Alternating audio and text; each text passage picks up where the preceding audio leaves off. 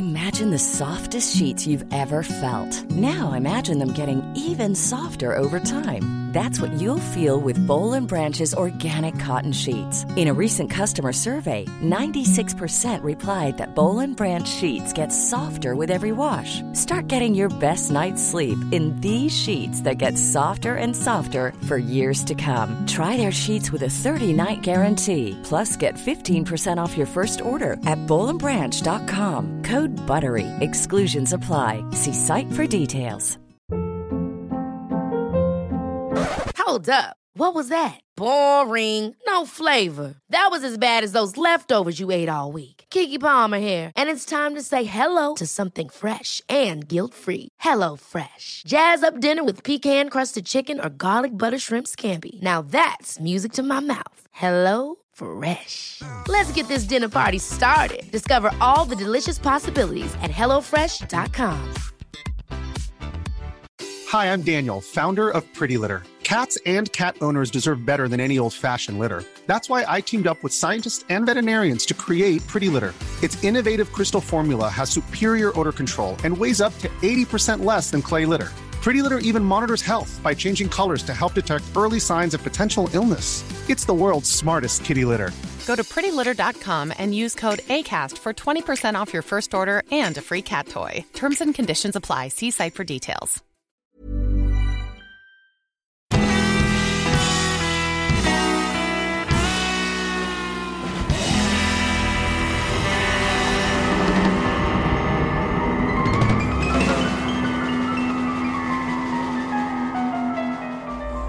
Hej allihopa och välkomna tillbaka till ett nytt avsnitt av Ståpäls. Hallå! Hallå! Med mig Lukas. Och med mig Ida.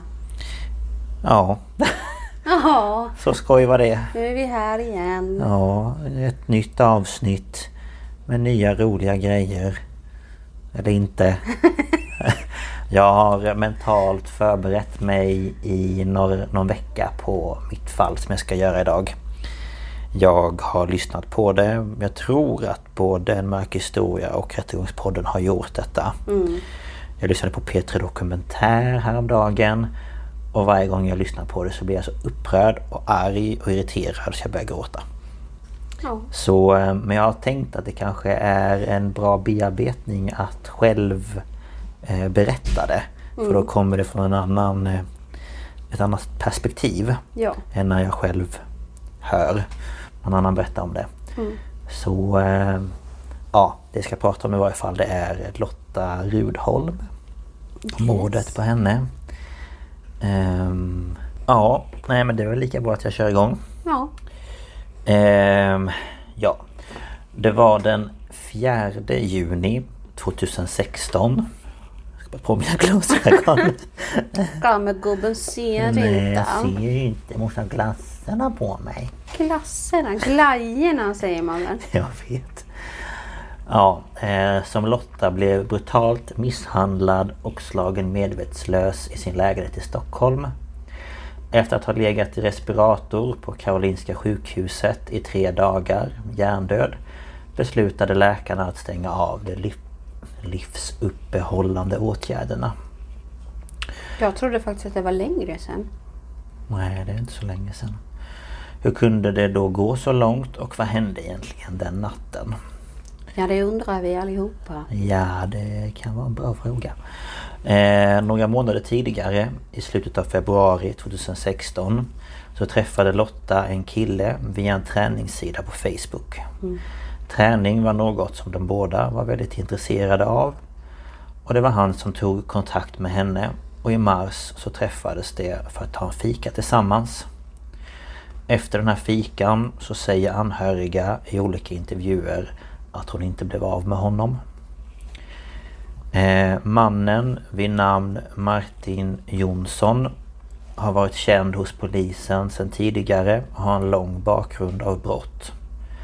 Hans straffregister sträcker sig tillbaka till år 1998 då han, 15 år gammal, dömdes för misshandel. Vilken reko liten kille! Båda är ju bra där. Ja, jag känner det. När han var 17 år gammal dömdes han för att han tillsammans med en jämnårig misshandlat en spärrvakt vid tunnelbanan i Hallonbergen. Något som eh, uppmärksammades i olika medier. Efter detta har han dömts upprepade gånger för flera fall av misshandel och grov misshandel. Han har även blivit dömd för hot mot tjänsteman och narkotikabrott vid flera tillfällen. Mm. Vid tre tillfällen har han även dömts för misshandel och kränkningar mot kvinnor han har haft eh, ett förhållande med. Och de likheter som man har kommit fram till i de här fallen är att deras förhållande har utvecklats snabbt och eh, hur han då sen har ändrat sitt beteende och blivit mer kontrollerande. Mm. Eh, kvinnorna har efter första tillfället de blivit misshandlade, hittat på andra förklaringar. De har varit för rädda för att berätta för någon. Brukar väl kunna vara så. Ja, jag. tyvärr är det ju så. Eh, 2011 så dömdes han till eh, skyddstillsyn efter att han misshandlat och hotat sin dåvarande flickvän. Eh, de hade förlovat sig bara några veckor efter att de hade träffats och han flyttade snart in i hennes lägenhet. Eh, deras relation var både stökig och ja, innehöll mycket svartsjuka. Eh, vid ett tillfälle så hade han hittat en bild på flickvännens före detta pojkvän. Och han hade då blivit extremt hotfull.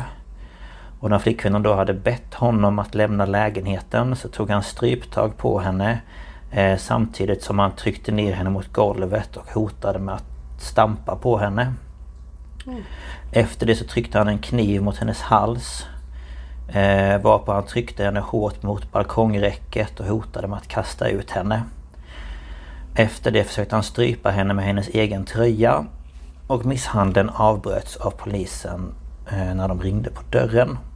Det var väl antagligen någon då som hade anmält. Vilket jävla svin. Ja, det var en schysst kille. Man bara, du kanske kunde...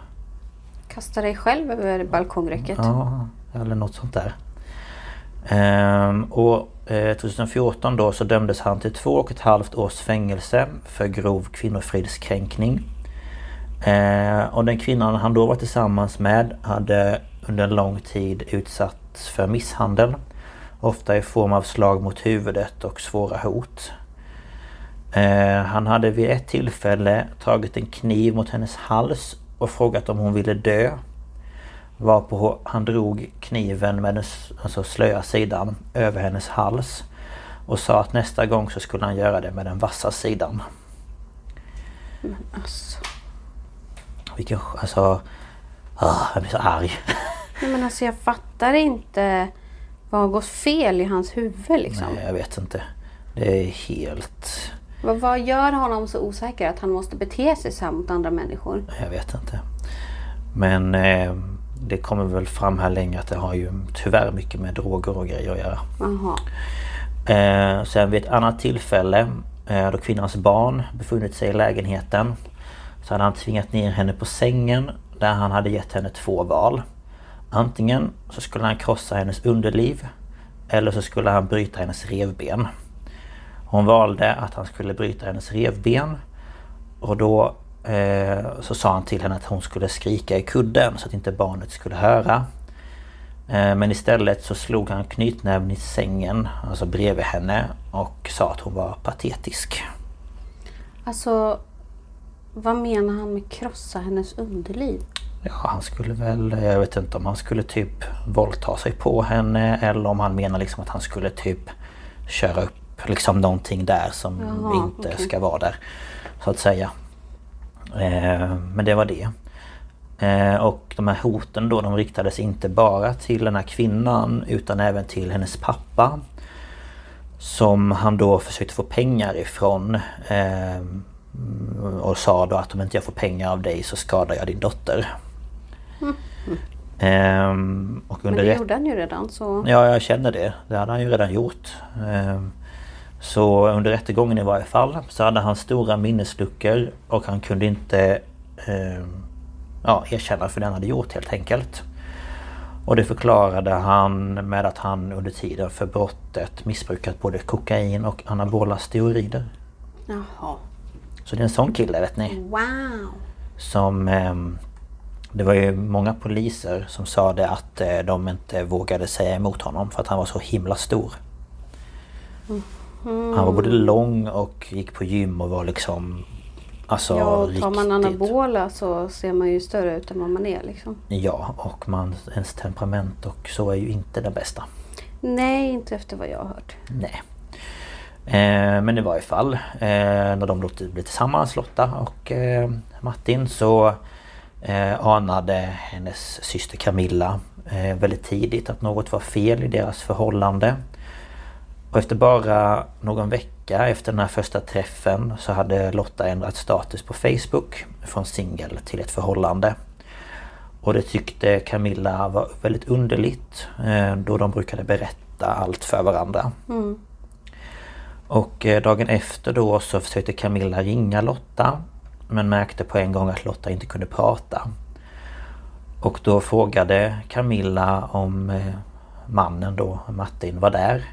Vilket han då var och att de skulle prata vid ett annat tillfälle. Men det blev aldrig ett annat tillfälle, liksom de ringde aldrig upp och pratade om det mer. Nej, okej. Ehm, och Camilla då berättar att det senare visade sig att han då hade tagit över Lottas Facebook och själv ändrat statusen.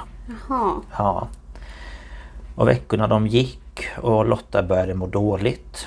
Eh, och hon berättade för sin syster att hon var stressad, att hon började glömma saker och hade väldigt svårt att sova. Och hon kände sig jagad av honom. Ehm, och när Camilla och Lotta då pratade i telefon med varandra så kunde Martin ringa eller smsa Lotta liksom om och om och om, om igen. Ehm, och till slut så var hon då tvungen att lägga på för att ringa upp eh, honom. Ehm, och eh, även när hon var på jobbet så ringde han flera gånger om dagen. Och om han då inte fick tag på henne så blev han jättearg. Okej. Ja. Ehm, och under deras förhållande så blev Lotta misshandlad gång på gång. Och hon eh, började ta bilder på de här skadorna som hon fick. Och så skickade hon dem till sina vänner för att om något då skulle hända med henne så hade de bevisen. Så de skulle liksom kunna visa att... Eh, ja. Men Lotta hon vågade aldrig berätta för sin syster hur det låg till. Eh, Men systern tjatade liksom hela tiden på henne att du måste polisanmäla detta. Eh, Men hon vågade inte. Ehm, Och då i maj ehm, så ringde Lotta till sin syster till slut och berättade att han hade misshandlat henne och hotat med att mörda henne. Och då ville ju då Camilla såklart igen att hon skulle polisanmäla honom. Men hon gjorde ju inte det för, för att hon var så himla rädd. Och då valde Camilla att anmäla istället. Mm. Och Lotta blev då jättearg och ringde till sin syster och bad henne att ta tillbaka anmälan. För att han annars skulle slå ihjäl inte bara Lotta utan även alla hennes anhöriga. Eh, Så systern sa till Lotta att eh, du borde komma till Härnösand.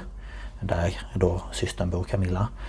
Eh, Men Lotta var då för rädd för att han skulle följa efter henne dit och då skada både Lotta och hennes syster. Ja. Ehm, eh, och efter detta då så försökte liksom eh, systern gång på gång ja, men få Lotta att anmäla. Eh, och en vecka innan Lotta fördes till sjukhus efter då att han hade misshandlat henne så valde Lotta att anmäla eh, eh, honom till slut. Eh, och hon satt då i förhör i flera timmar och blev ja, men till slut jättetrött. Och sa att hon vill avsluta förhöret. Och eh, polisen sa att de skulle höra av sig dagen efter och de lovade det. Men de hörde aldrig av sig. Nähä. Nej. Och Lotta kände att hon orkade inte ringa upp igen. Så att eh, ja, det rann ju ut i sanden. Eh, och sen en vecka innan eh, den här anmälan då så hade polisen då eh, tagit hoten på allvar. Och hade då anhållit Martin misstänkt för grov eh, kvinnofridskränkning. Men då Lotta inte vågade medverka i några förhör så lade eh, åklagaren ner fallet fem dagar senare. Så bara för att hon ville berätta vad som hade hänt så sket de i att eh, ta upp det liksom. Ja, det är ju så jävla skevt. Ja. Och Lotta hade då under den här perioden inte vågat bo hemma utan gömt sig hos en vän. Och sen efter att det hade varit tyst från eh, Martin då i några dagar så vågade hon flytta hem igen. Eh, sen några dagar senare, natten till den 4 juni, bröt han sig in i Lottas lägenhet och mördade henne. Eh, en polispatrull skickades då till Ulva, nej, Ulvsunda i Bromma. Efter att pojkvännen själv hade ringt in till polisen och berättat att han slagit sin tjej. Och på platsen då så hittades en svårt skadad kvinna som fördes till Karolinska sjukhuset. Eh, och anhöriga har då berättat i efterhand att hon var misshandlad till oigenkännlighet. Han hade krossat hennes huvud och hon var alldeles blå på kroppen. Eh, Martin greps i lägenheten klockan 05.40 på morgonen och anhölls av åklagare bara några timmar senare. Han häktades den 6 juni av någon slags jourdomstol eh, på Attunda, säger man väl, tingsrätt. Ehm, och vid tiden för det här brottet så hade Martin precis släppts villkorlig eh, från anstalten Hall.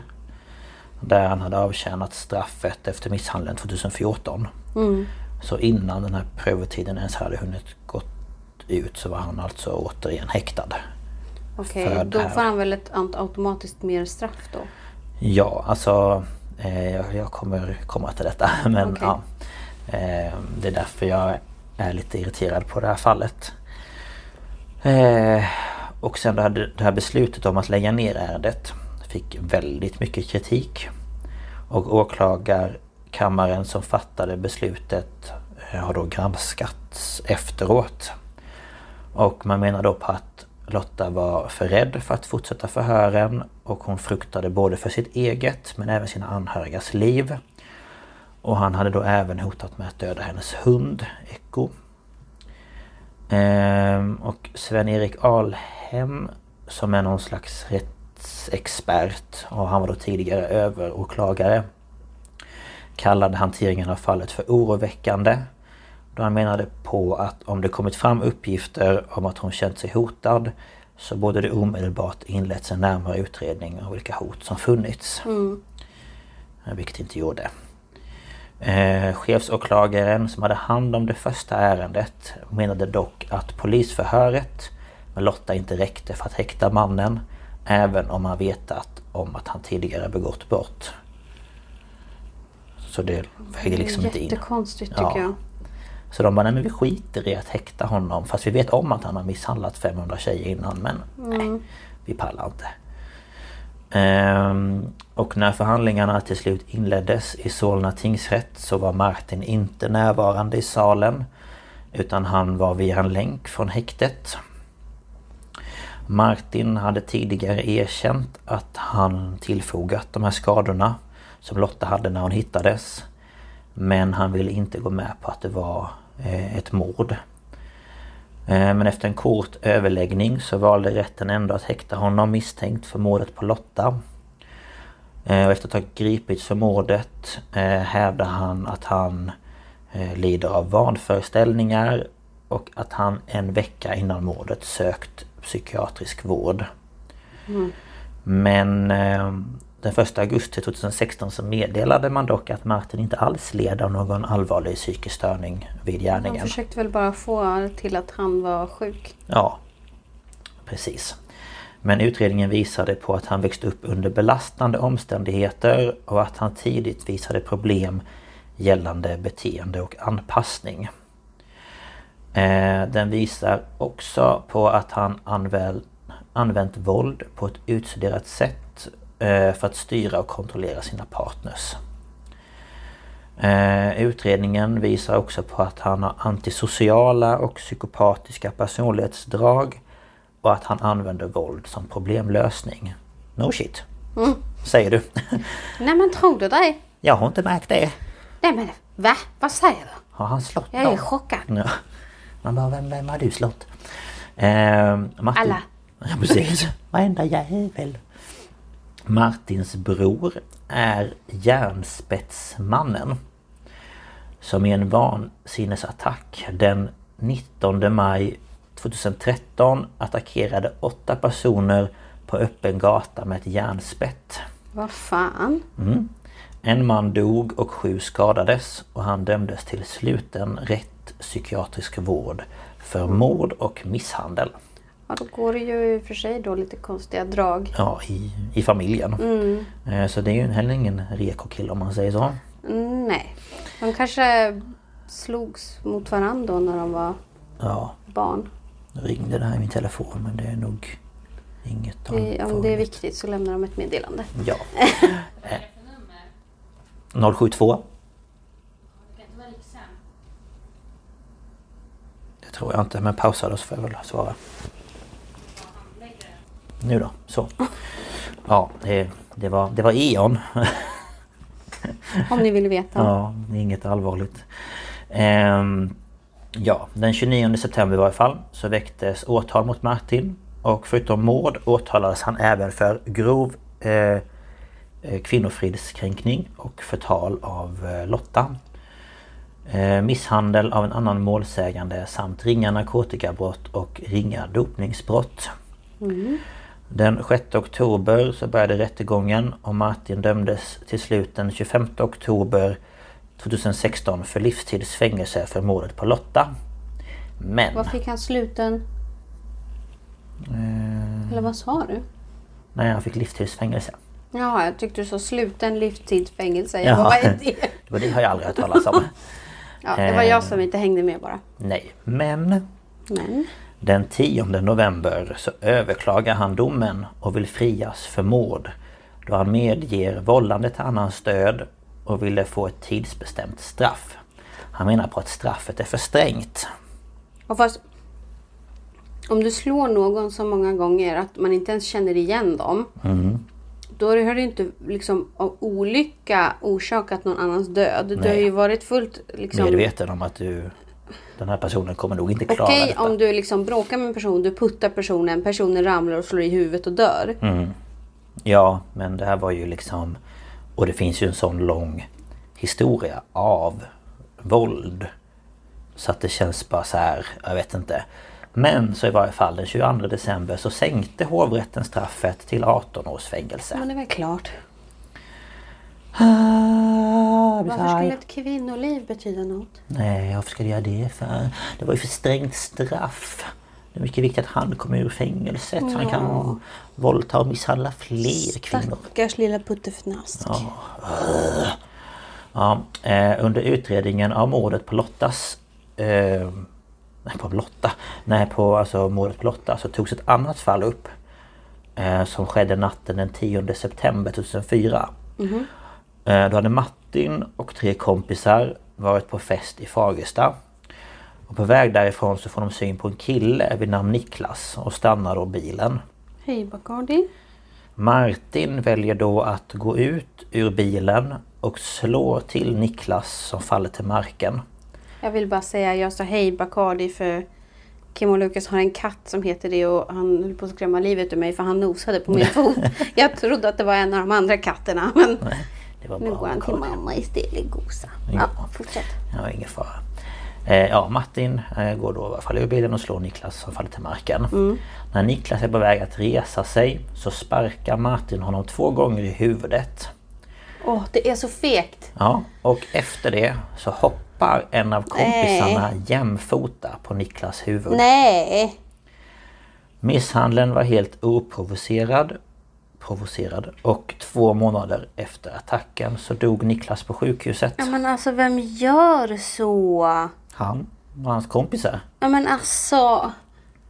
Oh my god, jag blir så Eh, less på mänskligheten. Ja, och Martin han dömdes då till 10 års fängelse. Men hovrätten sänkte det till 8 år och kompisen friades helt. Då de ansåg att Martin själv utfört misshandel. Men han hoppade ju i skallen på en människa. Ja men det, det är inte ett brott. Nej, nej, okej, då vet jag. Ja, så nästa gång du inte tycker om någon så lägg den på marken och hoppa på den jämfota med fötterna på huvudet. Man Jättebra. brukar hoppa jämfota med fötterna. Ja, jag vet. om inte du stoppar händerna. Nej, ska jag. Fast då hoppar man ju fortfarande inte Nej, jämfota. jag vet. Ehm, ja, så det var den eh, jävla idioten. Ja, det var ju... Eh... ah, Man blir så upprörd. ja, det kan man ju lugnt säga. Så det är därför jag, när jag har hört det här varenda gång när de kom till slutet och de berättar att han eh, dömdes för detta. Men och, de, de, hunden klarade sig väl? ja, hunden klarade sig. Jag är alltid orolig för Ja, djuren. nej, hunden klarade De sig. hamnar alltid i kläm. Ja, nej, det hände ingenting med den. Men också det här liksom att hon är så rädd så hon åker och gömmer sig hos en vän. Och bara någon dag efter att hon har kommit tillbaka så händer detta. Man bara... Då, då blir det den här, tänk om Ja, hon hade stannat om. hos sin vän en vecka. Och tänk om eh, eh, polisen och åklagarna och hela falutan hade gjort sitt jävla jobb. Nej, för det var semester. Så den som hade ansvar för fallet var på semester. Och överskrev det till en annan som inte tyckte att men hon har ju inte medverkat till några polisförhör. Vi kan inte gå på detta. Man vet inte ens vad man ska säga. Nej. Så ja, det var i varje fall fallet Lotta Rudholm. Ja, det var för jävligt men bra skrivet. Ja, tack. Jag bara... Ja, Nej, nej. men jag, vet, jag vet liksom inte ens vad jag ska säga för man blir Nej. liksom bara... Tom. Ja. Fast ändå inte. Man, man blir så frustrerad. Fruktansvärt irriterad bara. Ja. Inte bara på det där att ja, polisen gjorde ingenting utan bara så här. Men alltså vad, är, vad fan är hans jävla problem då att göra så här Mm. från första början? Och att det liksom började så tidigt och att liksom... Och hur många gånger ska han bli gripen och dömd för misshandel innan liksom någon ska fatta att okej, han kan inte vara på gatan. Nej, om vi kan inte släppa ut honom för att han kommer göra det här om och om och om och om igen. Ja, Och att liksom eh, han fick livstid vilket hade inneburit att han faktiskt hade behövt sitta alltså, hela livet om det nu inte var så att han eh, skulle fått någon sån här tidsbestämt. tidsbestämt. Men Livstid betyder sällan livstid Nej, här i jag Sverige vet, tyvärr. Men 18 år, jag menar han kanske... Han har avverkat 10 av de åren men nej, men jag har skött mig så himla bra. Ja, man vet ju aldrig. Fast jag läste också när jag gick igenom detta att han hade tydligen misshandlat en annan intern. På fängelset han sitter på nu. Ja, det är ju synd att det inte funkar som i USA då att fängelsechefen bara kan gå dit och bara det där blir fem år till. Ja, Så funkar det ju tyvärr Nej. inte här. Men, men jag tänker att det kanske bevisar lite på att han kanske inte är, har blivit en bättre människa. nej. Eh, Att han faktiskt fortfarande håller på med våld. Ja. eh, Även när han sitter inne och att han då får sitta de här 18 åren. Men jag tycker fortfarande inte att det är ett hårt straff nog för allt det han har gjort. Nej, verkligen inte. För det han har gjort är fruktansvärt och jag förstår liksom inte hur man kan ha en sån syn på både liksom förhållande och relationer och kvinnor i allmänhet. Mm. Ehm, så att nej, jag blir ehm, fruktansvärt arg. Ja, verkligen. Men eh, ja, nej men det var mitt fall. Ja. Får vi gå över till, till ditt. Kanske Ja. lite... Jag vet inte om det är lättsammare men... Eh, nej, det skulle jag väl inte påstå. Nej. Men eh, vi kör. Ja.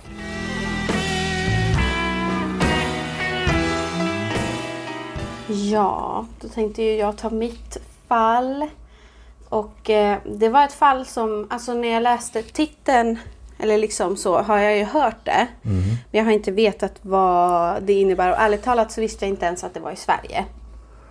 Nej, okej. Eh, och det är morden i Malexander. Och jag har ju hört det liksom... Alltså man har ju hört morden i Malexander. Ja. Men jag vet inte varför. Jag fick inte för mig att det var i Sverige. Jag tänkte att det var typ i Danmark. Jag vet inte, Ja, Malexander låter inte Malexander. svenskt. Nej. Men det är det. Tyvärr. Tyvärr, eller hur man ser det. Kan vara jättetrevligt. Eh, ja, jag har inte varit i Malexander men eh, Historien kanske inte är så nice. nej, man hade ju hoppats att det här kunde ske i ett annat land. USA. Ja, det skulle kunna hända där. Det hade, fast det hade varit mycket värre där.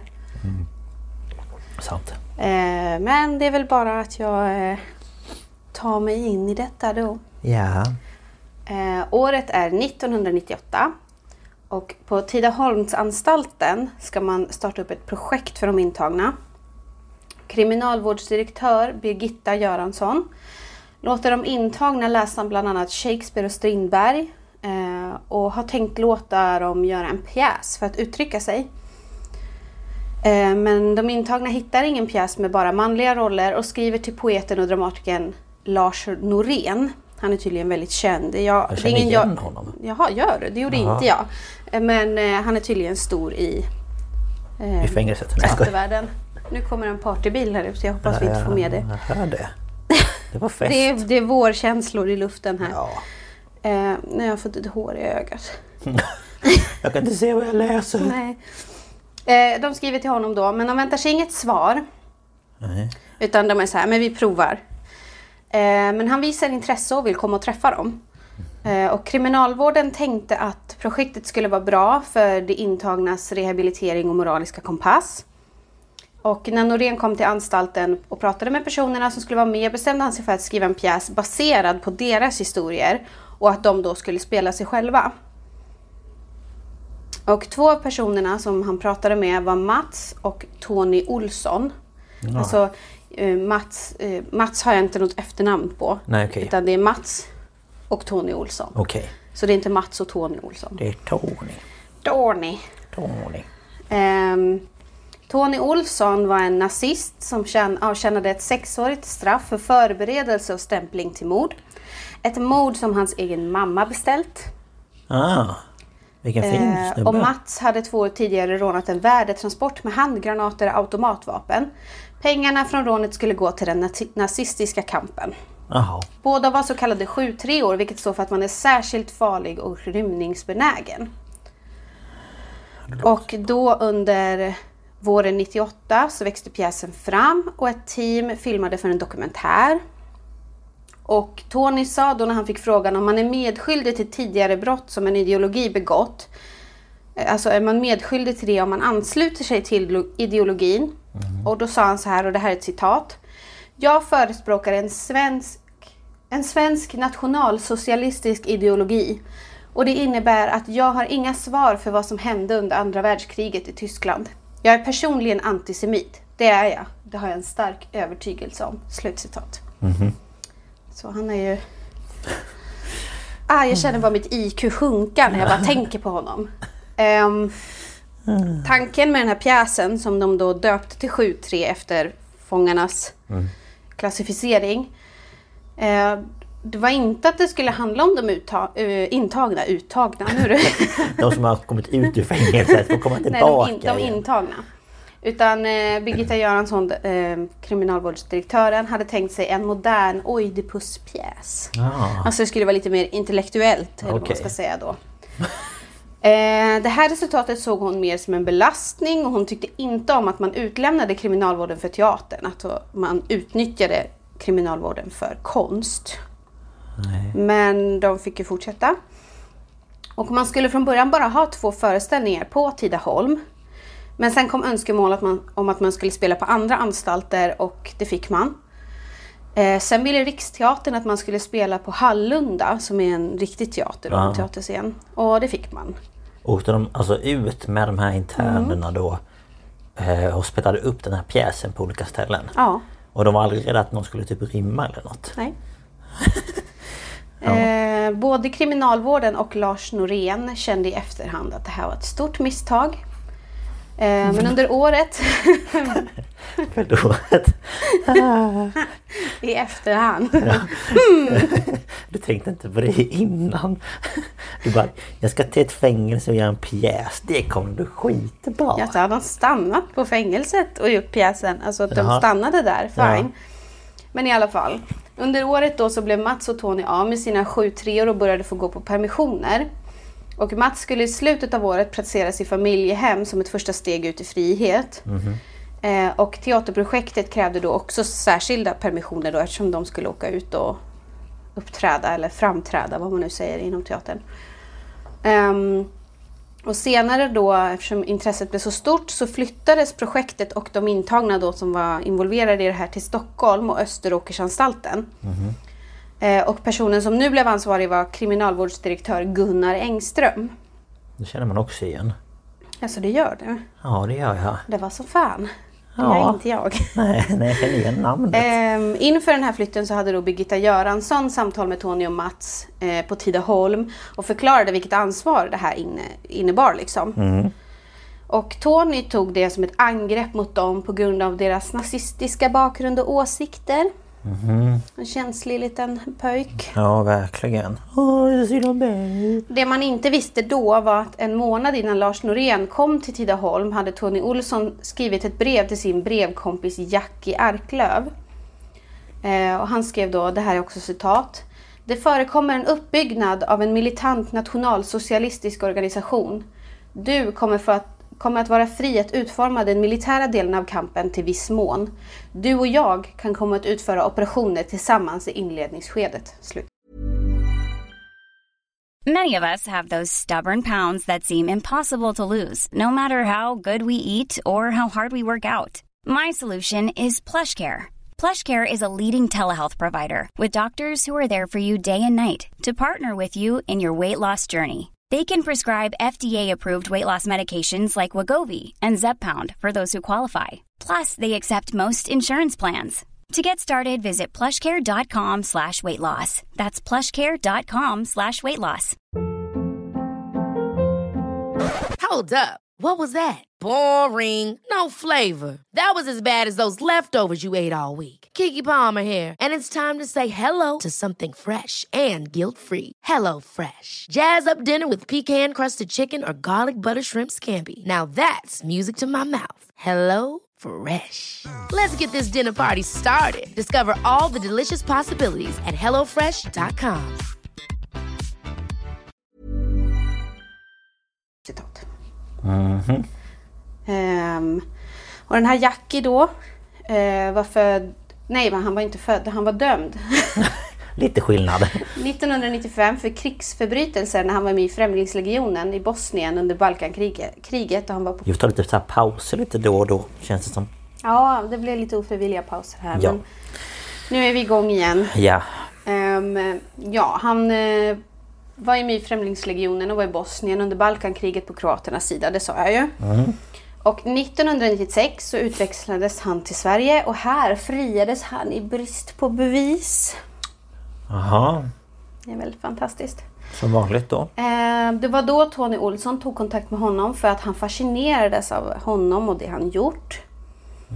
Och Jackie var trots sin mörka hud intresserad av nazism. Han var adopterad från Liberia Okej. till Norrland och så ehm, gjorde han lumpen i Boden och allt sånt där. Men han ansågs inte lämplig att bli eh, officer här. Nej. Så det var då han blev legosoldat och kom med i Främlingslegionen och åkte ner till Bosnien.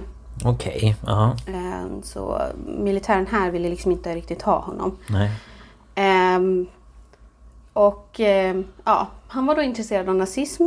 Trots att han var, Mörkhyad. ja, Jaha. det är lite special. Ja det känns lite... Eh, och eh, under 98 skrev också Mats till Jackie och såg till att han fick kontakt med Andreas Axelstå, Axelsson. Axelstång. Axelstånd.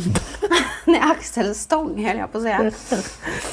Eh, och han startade upp en RA inspirerat av irländska IRA. Det är alltså en nazistorganisation. Som typ eh, en...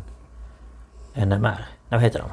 Ja, jag vet inte om det är de att de bytte namn. Jag, för, jag fattade Nej, inte okej. riktigt. Jag fick inte fram någonting på, när jag googlade på NRA. Då fick jag bara upp massa annat. Okej, men vad står det för? Nordisk... Det var ju det jag skulle kolla upp men jag hittade inte. Nej, Eh, men NMR är ju...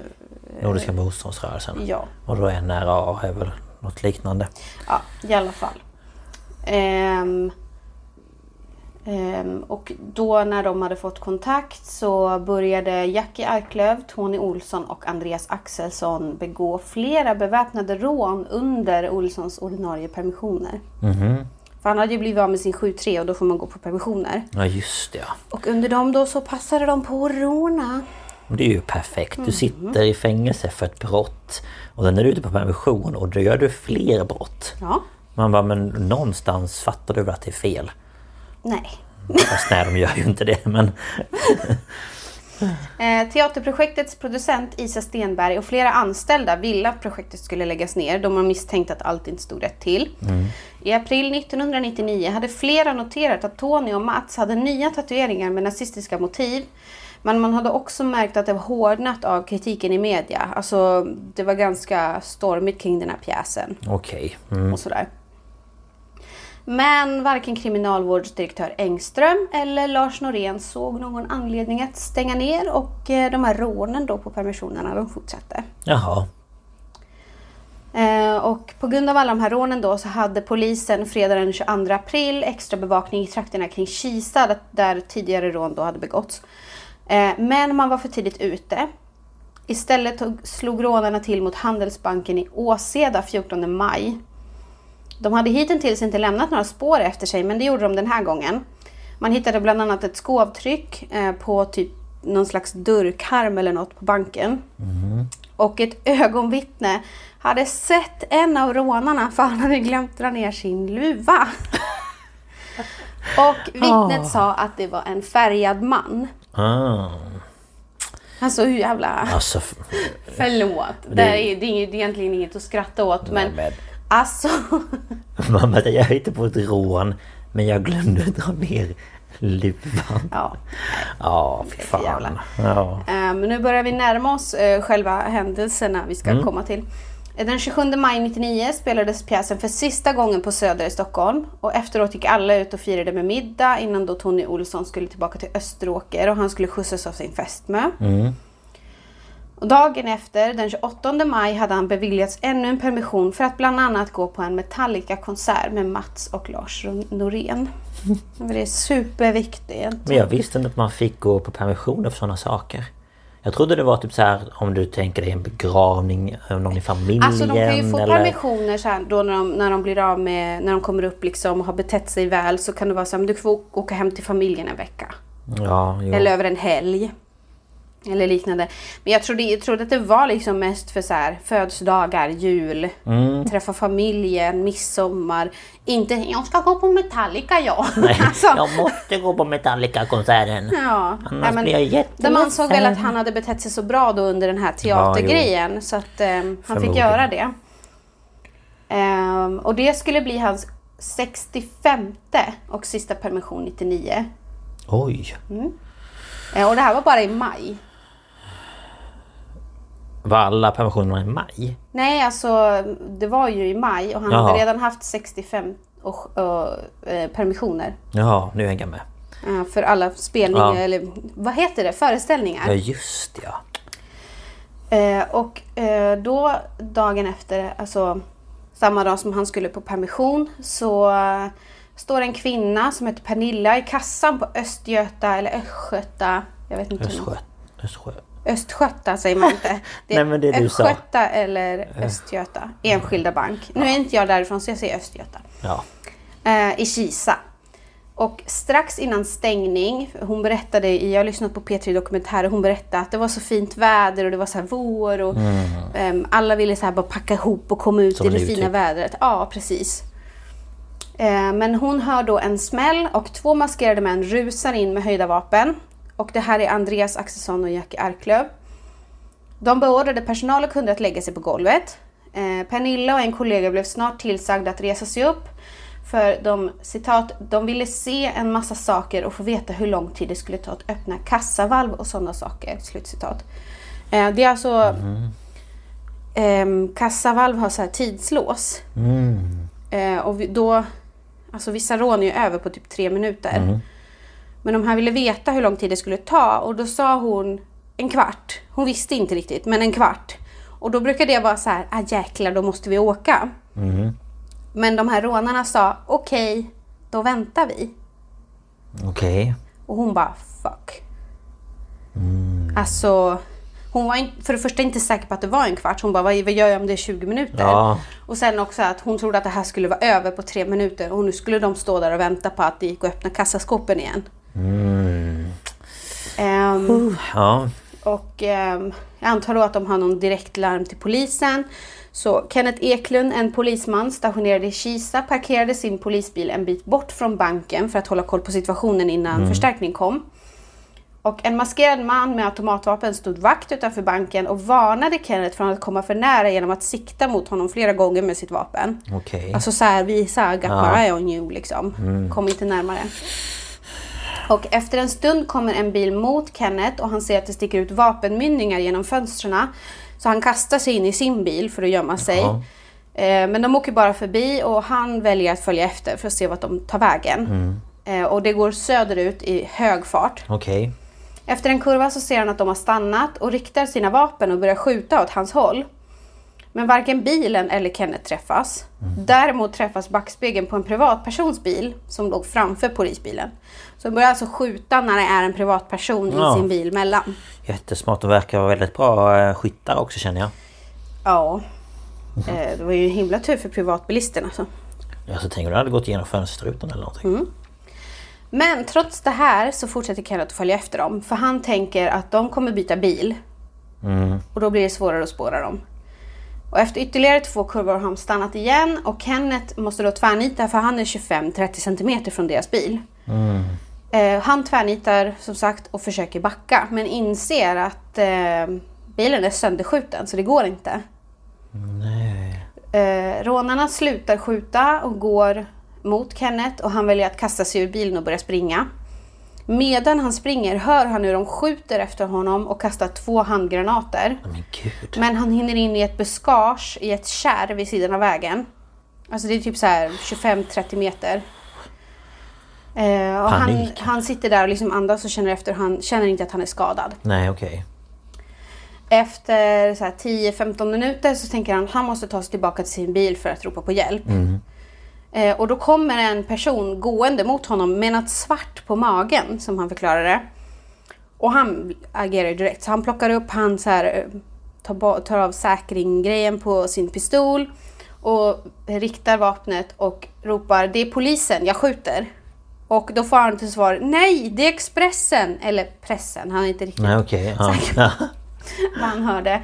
Och det är alltså en fotograf Ah. som kommer. Men gud varför kommer du... Ah. Mot Så han har ju alltså banat efter liksom.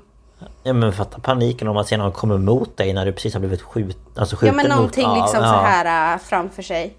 Ja. Och medan Kenneth tog ha, togs hand om sjuk... eh, av, togs hand av?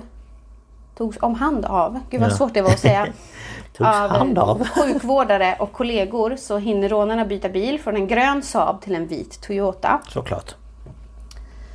Eh, nu introducerar vi ännu en person här. Kriminalinspektör Benniet Henriksson.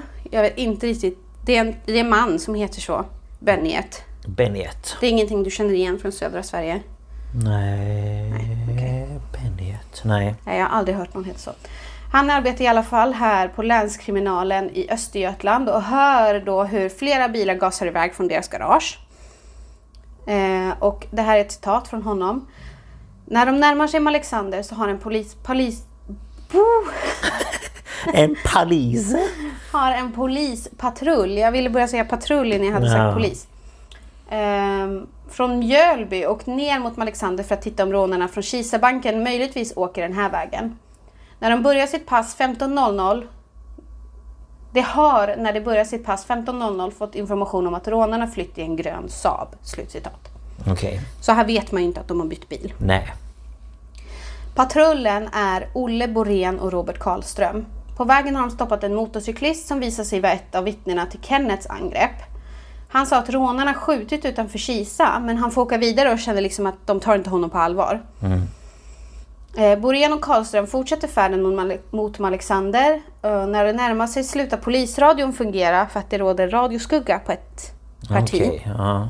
Så att det är liksom Där dålig mottagning. Ja. Det är ju på 90-talet så att det var ju inte så mycket.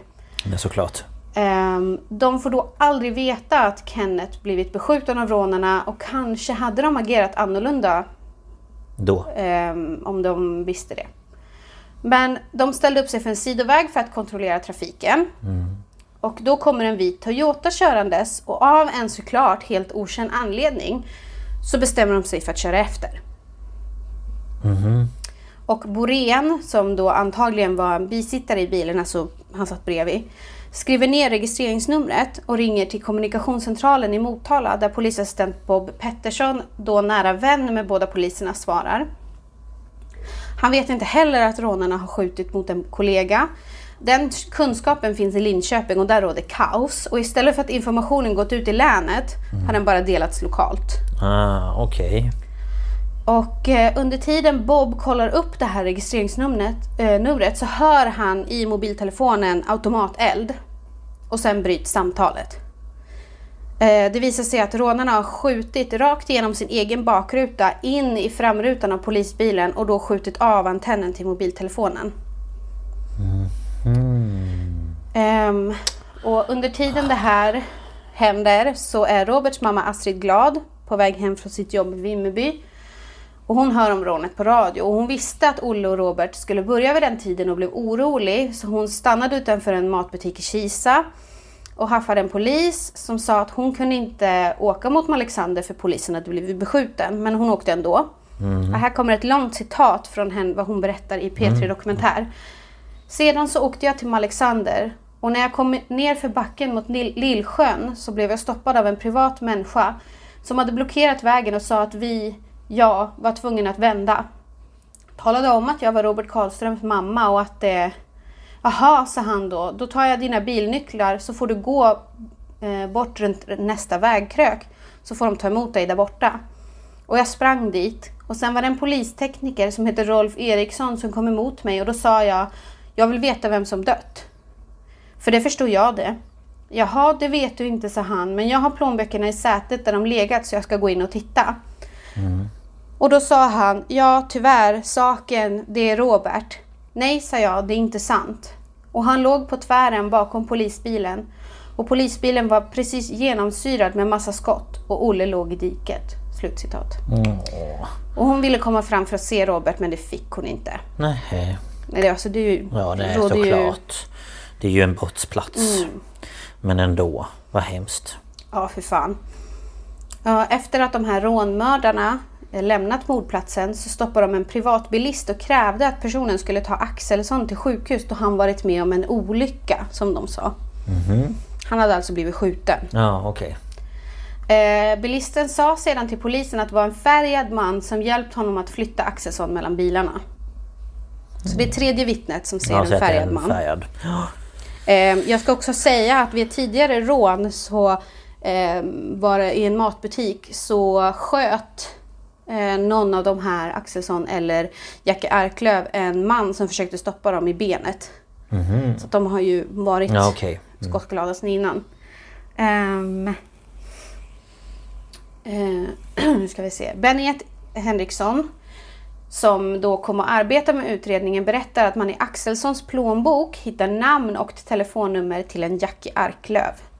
Och eftersom man då upptäckte att Arklöv är mörkhyad så drog man slutsatsen att det är han. Okej, ja. Yes. Ehm, Det visar sig att Robert Karlström och Olle Borén skjutits på nära håll i pannan respektive nacken efter att först skadats i eldstriden. Man kallade det en ren avrättning. Mm, det låter ju inte bättre. Nej. Och det kom in många tips från allmänheten för alla ville hjälpa men tyvärr så var det inte jättemånga som hjälpte till i utredningen. okej. Och ehm, under tiden som eh, man då kollade plånböcker och allt det här så hade Olsson och Arklöv gömt den vita Toyotan i en lada och tagit sig till fots till Boxholm några mil från Al- Alexander. Där misslyckades Olsson med att sno en bil. Och klockan 02.58 så ringer han till sin fästmö och hon kommer och hämtar honom. Och hon la märke till på väg till Boxholm att polisen satt upp äh, vägspärrar i motsatt körriktning. Men de, hon tänkte att de skulle ta sig till hennes föräldrahem i Vimmerby. Nej, Vetlanda. Inte Vimmerby, Vetlanda. Eh, men på vägen dit så blir de stoppade i en av vägspärrarna. Eh, men polisen släpper igenom dem. Okej. För man sökte ju tre män. Ja, Och här kommer en kvinna i 40-årsåldern och bredvid sitter en man med jacka över huvudet och sover. Mhm. Så... Ja, det var ju inte så lätt för dem att koppla det kanske. precis. Eh, och ja, jag kan ju säga att Olsson sov inte utan det var fake. Ja, jo det... Eh, och Jackie Arklöv tog första tåget från Boxholm till Stockholm och tog in på hotell. Och efter ett tips så flyttas sökningarna efter sökningarna till Stockholm. Och dagen efter morden hade Jackie Arklöv gått på krogen i Stockholm och träffat två kvinnor och en av dem tyckte att han agerade förvirrat så hon tog honom till psykakuten på Sankt Görans sjukhus. Ja, Och eh, sen lämnade de honom på hotellet. okej. Och tre dagar efter morden, den 31 maj, så grips Jackie Arklöv i Tyresö på en adress som polisen bevakat. Okej. Och han sköts i ryggen av civilpolisen och det ska enligt polisen och en dom i tingsrätten ha varit ett vådaskott. Okej. Men eh, det finns ju de som säger att det skulle vara en hämnd för Ah, att han skjutit kollegor. okej. Men eh, han överlevde. Jaha, okej. Det var ju tråkigt. Mm. Eh. Dagen efter gripandet av honom så stoppas ett tåg på stationen i Linköping. För man tror att Tony Olsson är på tåget eftersom resenärer ringt in och sagt att han var där. En man grips, men det visar sig att det inte var Olsson. Nej, okej. Eh, För en vecka efter morden får man veta att Olsson befinner sig i Costa Rica och han hade ringt till sin advokat Peter Attelin i Stockholm och sagt att han ville komma hem men han var orolig för gripandet. Det var jobbigt. Han ville att hans mamma skulle vara med och hon var i Costa Rica med honom. Lilla mamsen. Jo, mamma som verkar vara en sån bra mamma också som beställer Ja. mord. Hur fan Ja. kunde hon ens gå på fri fot? Ja, det fattar inte jag heller. Ehm, så den här Bennet Henriksson fick då uppdraget att åka och hämta honom. Eh, och Olsson han skrev en bok efter det här och han skrev att han hade tänkt fly under mellanlandning. Men enligt Bennet så gjorde han aldrig något försök. Okej. Och alla tre hävdar att de var oskyldiga. Och efter det här gripandet så blossar då diskussionen om den här äh, pjäsen 7-3 upp. Eh, och den här Mats, som också var med i 7-3, häktades för grovt häleri. Och det kom fram i samband med det då att den här Andreas Axelsson som blev eh, skadad i skottlossningen hade anlitats för att köra Tony Olsson mellan föreställningarna och fängelset. Jaha. Eh, kriminalvården säger att de har ingen aning om det här men insåg då att det var ju då de planerade alla rån. Ja, såklart. För då hade ju Andreas då kontakt med Jackie ute. För Andreas och Jackie satt ju inte i fängelse. Nej. Såklart. Så det var ju ganska korkat. Ja, lite smått. Och eh, den här Andreas då var under förundersökningen den mest pratsamma och erkände att han deltagit vid rånet i Kisa och befunnit sig på mordplatsen. Tony Olsson yttrades inte under förhör men under rättegången medgav han sin inblandning i rånet och att han suttit i flyktbilen vid mordtillfället. Ingen erkände mord utan alla skott var i skrämselsyfte. Jackie Arklöv fortsatte att neka all inblandning trots att man funnit hans fingertryck i både banken, alltså på både banken och flyktbilen. Ja. Jag bara kände det här med att eh, skotten var bara så här. Man bara fast du sätter ju inte ett skott rakt i pannan på någon. Om inte det är att du vill döda den. nej. Och efter en nästan två månader lång rättegång kommer domen i januari 2000. Alla tre, det här är tingsrätten då som skriver att alla tre deltog i rånet. Alla tre besköt Kenneth Eklund. Och alla tre sköt mot Robert Karlström och Olle Borén. Det fanns klart uppsåt att döda och alla tre var införstådda med att en eldstrid skulle kunna leda till polismännens död. Och trots att tingsrätten fastslog att alla tre var ans ansvariga för morden kun, kunde inte utredningen ge svar på vem som faktiskt dödade poliserna. För innan de här äh, skotten i nacken och pannan så var de faktiskt bara skadade. Okej. Den ena var bara skjuten i knät och handen. Jaha. Så de hade ju kunnat, de hade bara kunnat åka därifrån. Ja. Eh, men det slutade i alla fall i hovrätten med livstidsdomar. Och precis som i tingsrätten så dömdes de också för de tidigare rånen. Och Tony Olssons fästmö fälldes för skyddande av brottsling och det gjorde också tre andra personer som hjälpt honom. Och Mats han dömdes ju då för det här häleriet. Okej. Och 2001, två år efter morden, så ställer den här Andreas Axelsson upp, upp i en intervju för TV4. Och det här är också citat. Så då säger intervjuaren, Tony Olsson säger att han är oskyldig. Och då svarar han, jag har sett att han sköt och det var inget skrämselskott. Så att han är ju kapabel att döda. Eller han var det då. tror att det är han som avrättat dem. Det är ju mycket tänkbart i alla fall. Han hade ju blod på sig och det måste ju varit från poliserna. Eller någon av dem i alla fall. Och den här Jackie Arklöv hade i hovrätten till slut börjat prata och erkänt att han var på mordplatsen men inte skjutit polisen. Han ville träffa personalen på banken för att be om ursäkt. Men den enda som nappade var den här kassören Pernilla. Och eh, de träffades och han berättade för henne hur han hamnat i de kretsar han var i, hans tankar innan rånet, under rånet och under skjutningen mot Kenneth Eklund. Han vägrade peka ut någon men sa att om en viss person inte hade varit med hade morden aldrig skett. Yes. Och eh, sen hoppar vi till 8 juni 2001. Och då eh, åkte Bennet Henriksson, eh, Jackie Arklövs advokat Per Durling och den, den polisen som hade lett förhören med Jackie under utredningen. De åkte till Kumla. För att Jackie hade ringt sin advokat och bara jag skulle vilja prata. Jackie berättar nu om att han har klivit ur bilen under skottlossningen och han berättar hur han skjutit mot polisbilens förarplats och mot polisen som klev ut på passagerarsidan. Hans vapen låser sig och han ser då att Axelsson är skadad och hjälper honom in i bilen. Därefter går han tillbaka och plockar upp Karlströms tjänstevapen och går till diket där Olle Borén ligger och skjuter honom i bakhuvudet. Sedan plockar han upp Olles tjänstevapen och går till Robert Karlström och skjuter honom i pannan på nära håll. Sen sätter han sig i Toyotan och Tony Olsson kör dem från mordplatsen. Okej. Och han säger då att han fick dåligt samvete när han sett en dokumentär där han såg anhöriga och ehm, han såg också sig själv då sitta och ljuga. Jobbigt. Och han säger att hans agerande var på grund av att han fick en flashback till kriget och liksom gick in då i det här äh, modet. Okej. Ja, om det nu är en ursäkt vet jag inte. Nej, verkligen inte. Eh, domstolen slog trots detta fast att alla var delta- eh, delaktiga i morden och ingen ny rättegång genomfördes. Nej. Och som ett resultat av det här så hoppade många av Nationalsocialistisk front för att de inte ville koppla samman med det här. Och Anders Högström som var en ledare för det hoppade själv av och tog avstånd från nazismen. Okej. Och han började också jobba med ungdomar för att de inte skulle Hamna där. Ja.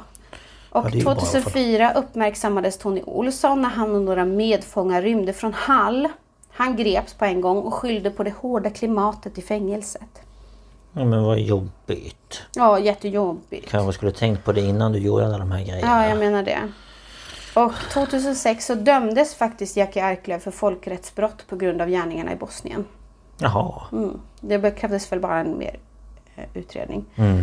Kenneth Eklund jobbar fortfarande som polis, nu trafikpolis. Och han tänker ofta på att han kunde gått samma öde till möte som sina kollegor. Såklart. En dag så stoppade han en bil för en rutinkontroll och bad föraren blåsa och det visade sig vara Astrid Glad, Robert Karlströms mamma.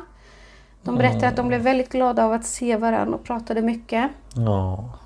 Och en liten uppdatering om de här äh, svinen här då.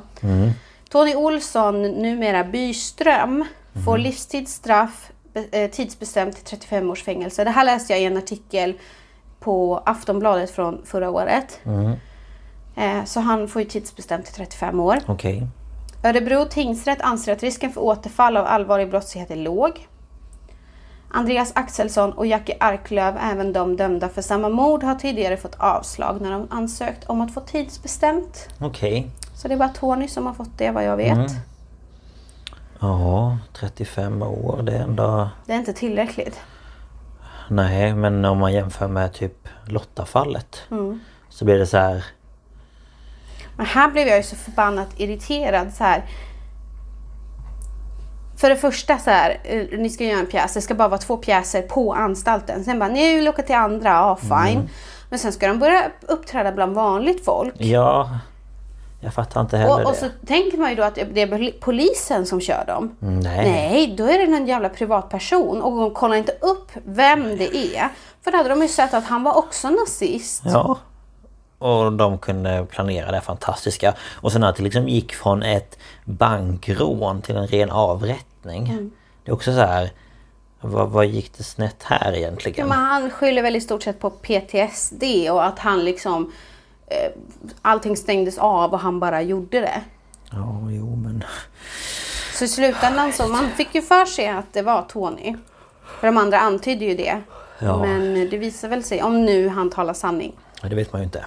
så var det han. Jag kan, alltså om man tänker på att han var legosoldat och sådär. Jo, i och för sig. Mm. Det är, kanske riktas mot honom då. Men man blir ändå så här... Ja, synd om, ehm, om poliserna och... och Kollegor. Kollegor och de på banken fick väl lite panik. Sen blev det Ja. aldrig något rån utan... Eller blev det ett rån? Nej. Jo, de rånade väl som jag fattat. Ja, Eller jag, är inte, jag är inte helt säker, det kom inte riktigt fram. Nej. Men den här Pernilla berättar ju i intervjuer att det tog lång tid innan hon ens kunde gå barärmat. För hon kände sig så... Utsatt. Ja, att hon kände sig oskyddad. Ja. Och alltså det tog många, många år innan hon liksom kunde sitta på sin typ balkong själv. Och, alltså det påverkade henne något Ja, fruktansvärt. det förstår jag. Jag menar, vad hade, hur själv, hade man själv reagerat om det kom in tre, var det tre? Kom de in alla tre eller var det bara Nej, en? det var bara två som kom in och en stod i vakt. Ja, men ändå. Mm. Man hade ju ändå fått panik liksom. Men... ehm, ja, nej det var... Vårat, vårat rättssystem kan behöva lite uppdatering. Ja, Jag känner det.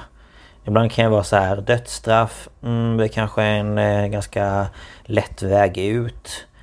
Eh, men hellre typ som i USA att man får livstid på livstid eller någonting. Ja, men alltså att det faktiskt, en livstid faktiskt är livstid.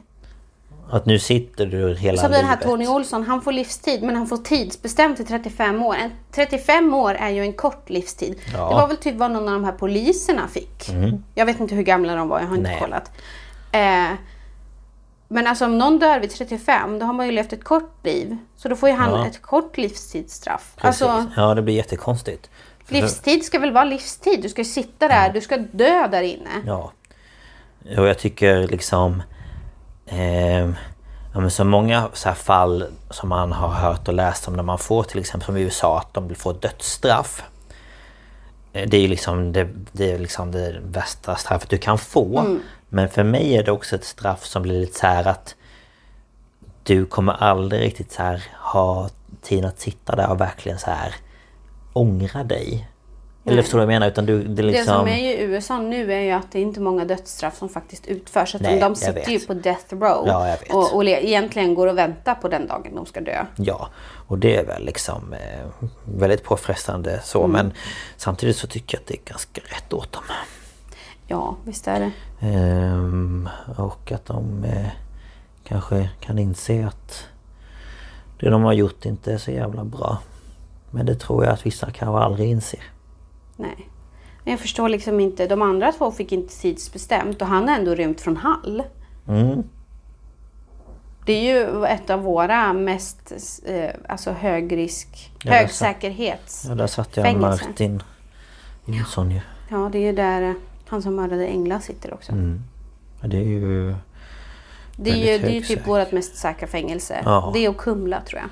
Och så rymmer man från det. Och bara, Ja. det är så hårt klimat. Man bara, det är det som är meningen. Ja, det är en anledning att Du det är ska det. inte trivas. Nej. Hade du trivts så hade det varit problematiskt. Ja. Det ska liksom kännas som ett helvete. Ja. För det är det ni förtjänar. Lite så. Rent Mm. Ja. krasst. Men ja, nej ja, det var, det var två, våra fall då hörni. två svenska fall. Ja. Det är inte många som vill eh, prata om svenska fall för att det blir för nära. Ehm, och Ja. Jag kan hålla med om det delvis men jag tycker ändå att det är viktigt att vi inte glömmer. Nej men jag tycker väl lite samma. Att det, det kan ju kännas mer nära. Men att eh, jag tycker ändå att det är intressant. Mm. För att man får en större förståelse över liksom det svenska liksom rättväsendet Mm. och liksom hur det funkar här. Ehm, för mycket är ju liksom ja, men USA och England. Over och, there. Ja, där borta. Där man liksom inte riktigt eh, kanske kan greppa det på samma Nej. sätt. Som när det faktiskt händer liksom ganska nära. Mm. Så eh, ja, nej, men det var väl spännande men hemskt. Intressant. Mm, Ja. yes. Det var, vi får väl tacka för oss nu. Det blev lite mörkt här på slutet. Ja. Men eh, Så kan det bli ibland. ja, så blir det hörni. Ja. Men eh, vi kommer dyka upp i feeden nästa vecka igen. Då får vi se vad vi har för avsnitt på G. Ja. Men, Ni får hålla eh, utkik. Ja, det får ni göra hörni. Glöm inte att eh, prenumerera så kommer det upp automatiskt. Precis. När vi lägger upp ett nytt. Snygg påminnelse tycker jag. Ja, det var fint. Men eh, ta hand om er så länge allihopa. ja, det tycker Tvätta jag. händerna. Mm. Så på återhörande då. Ja, på återseende. Ja, Hej då! hej då.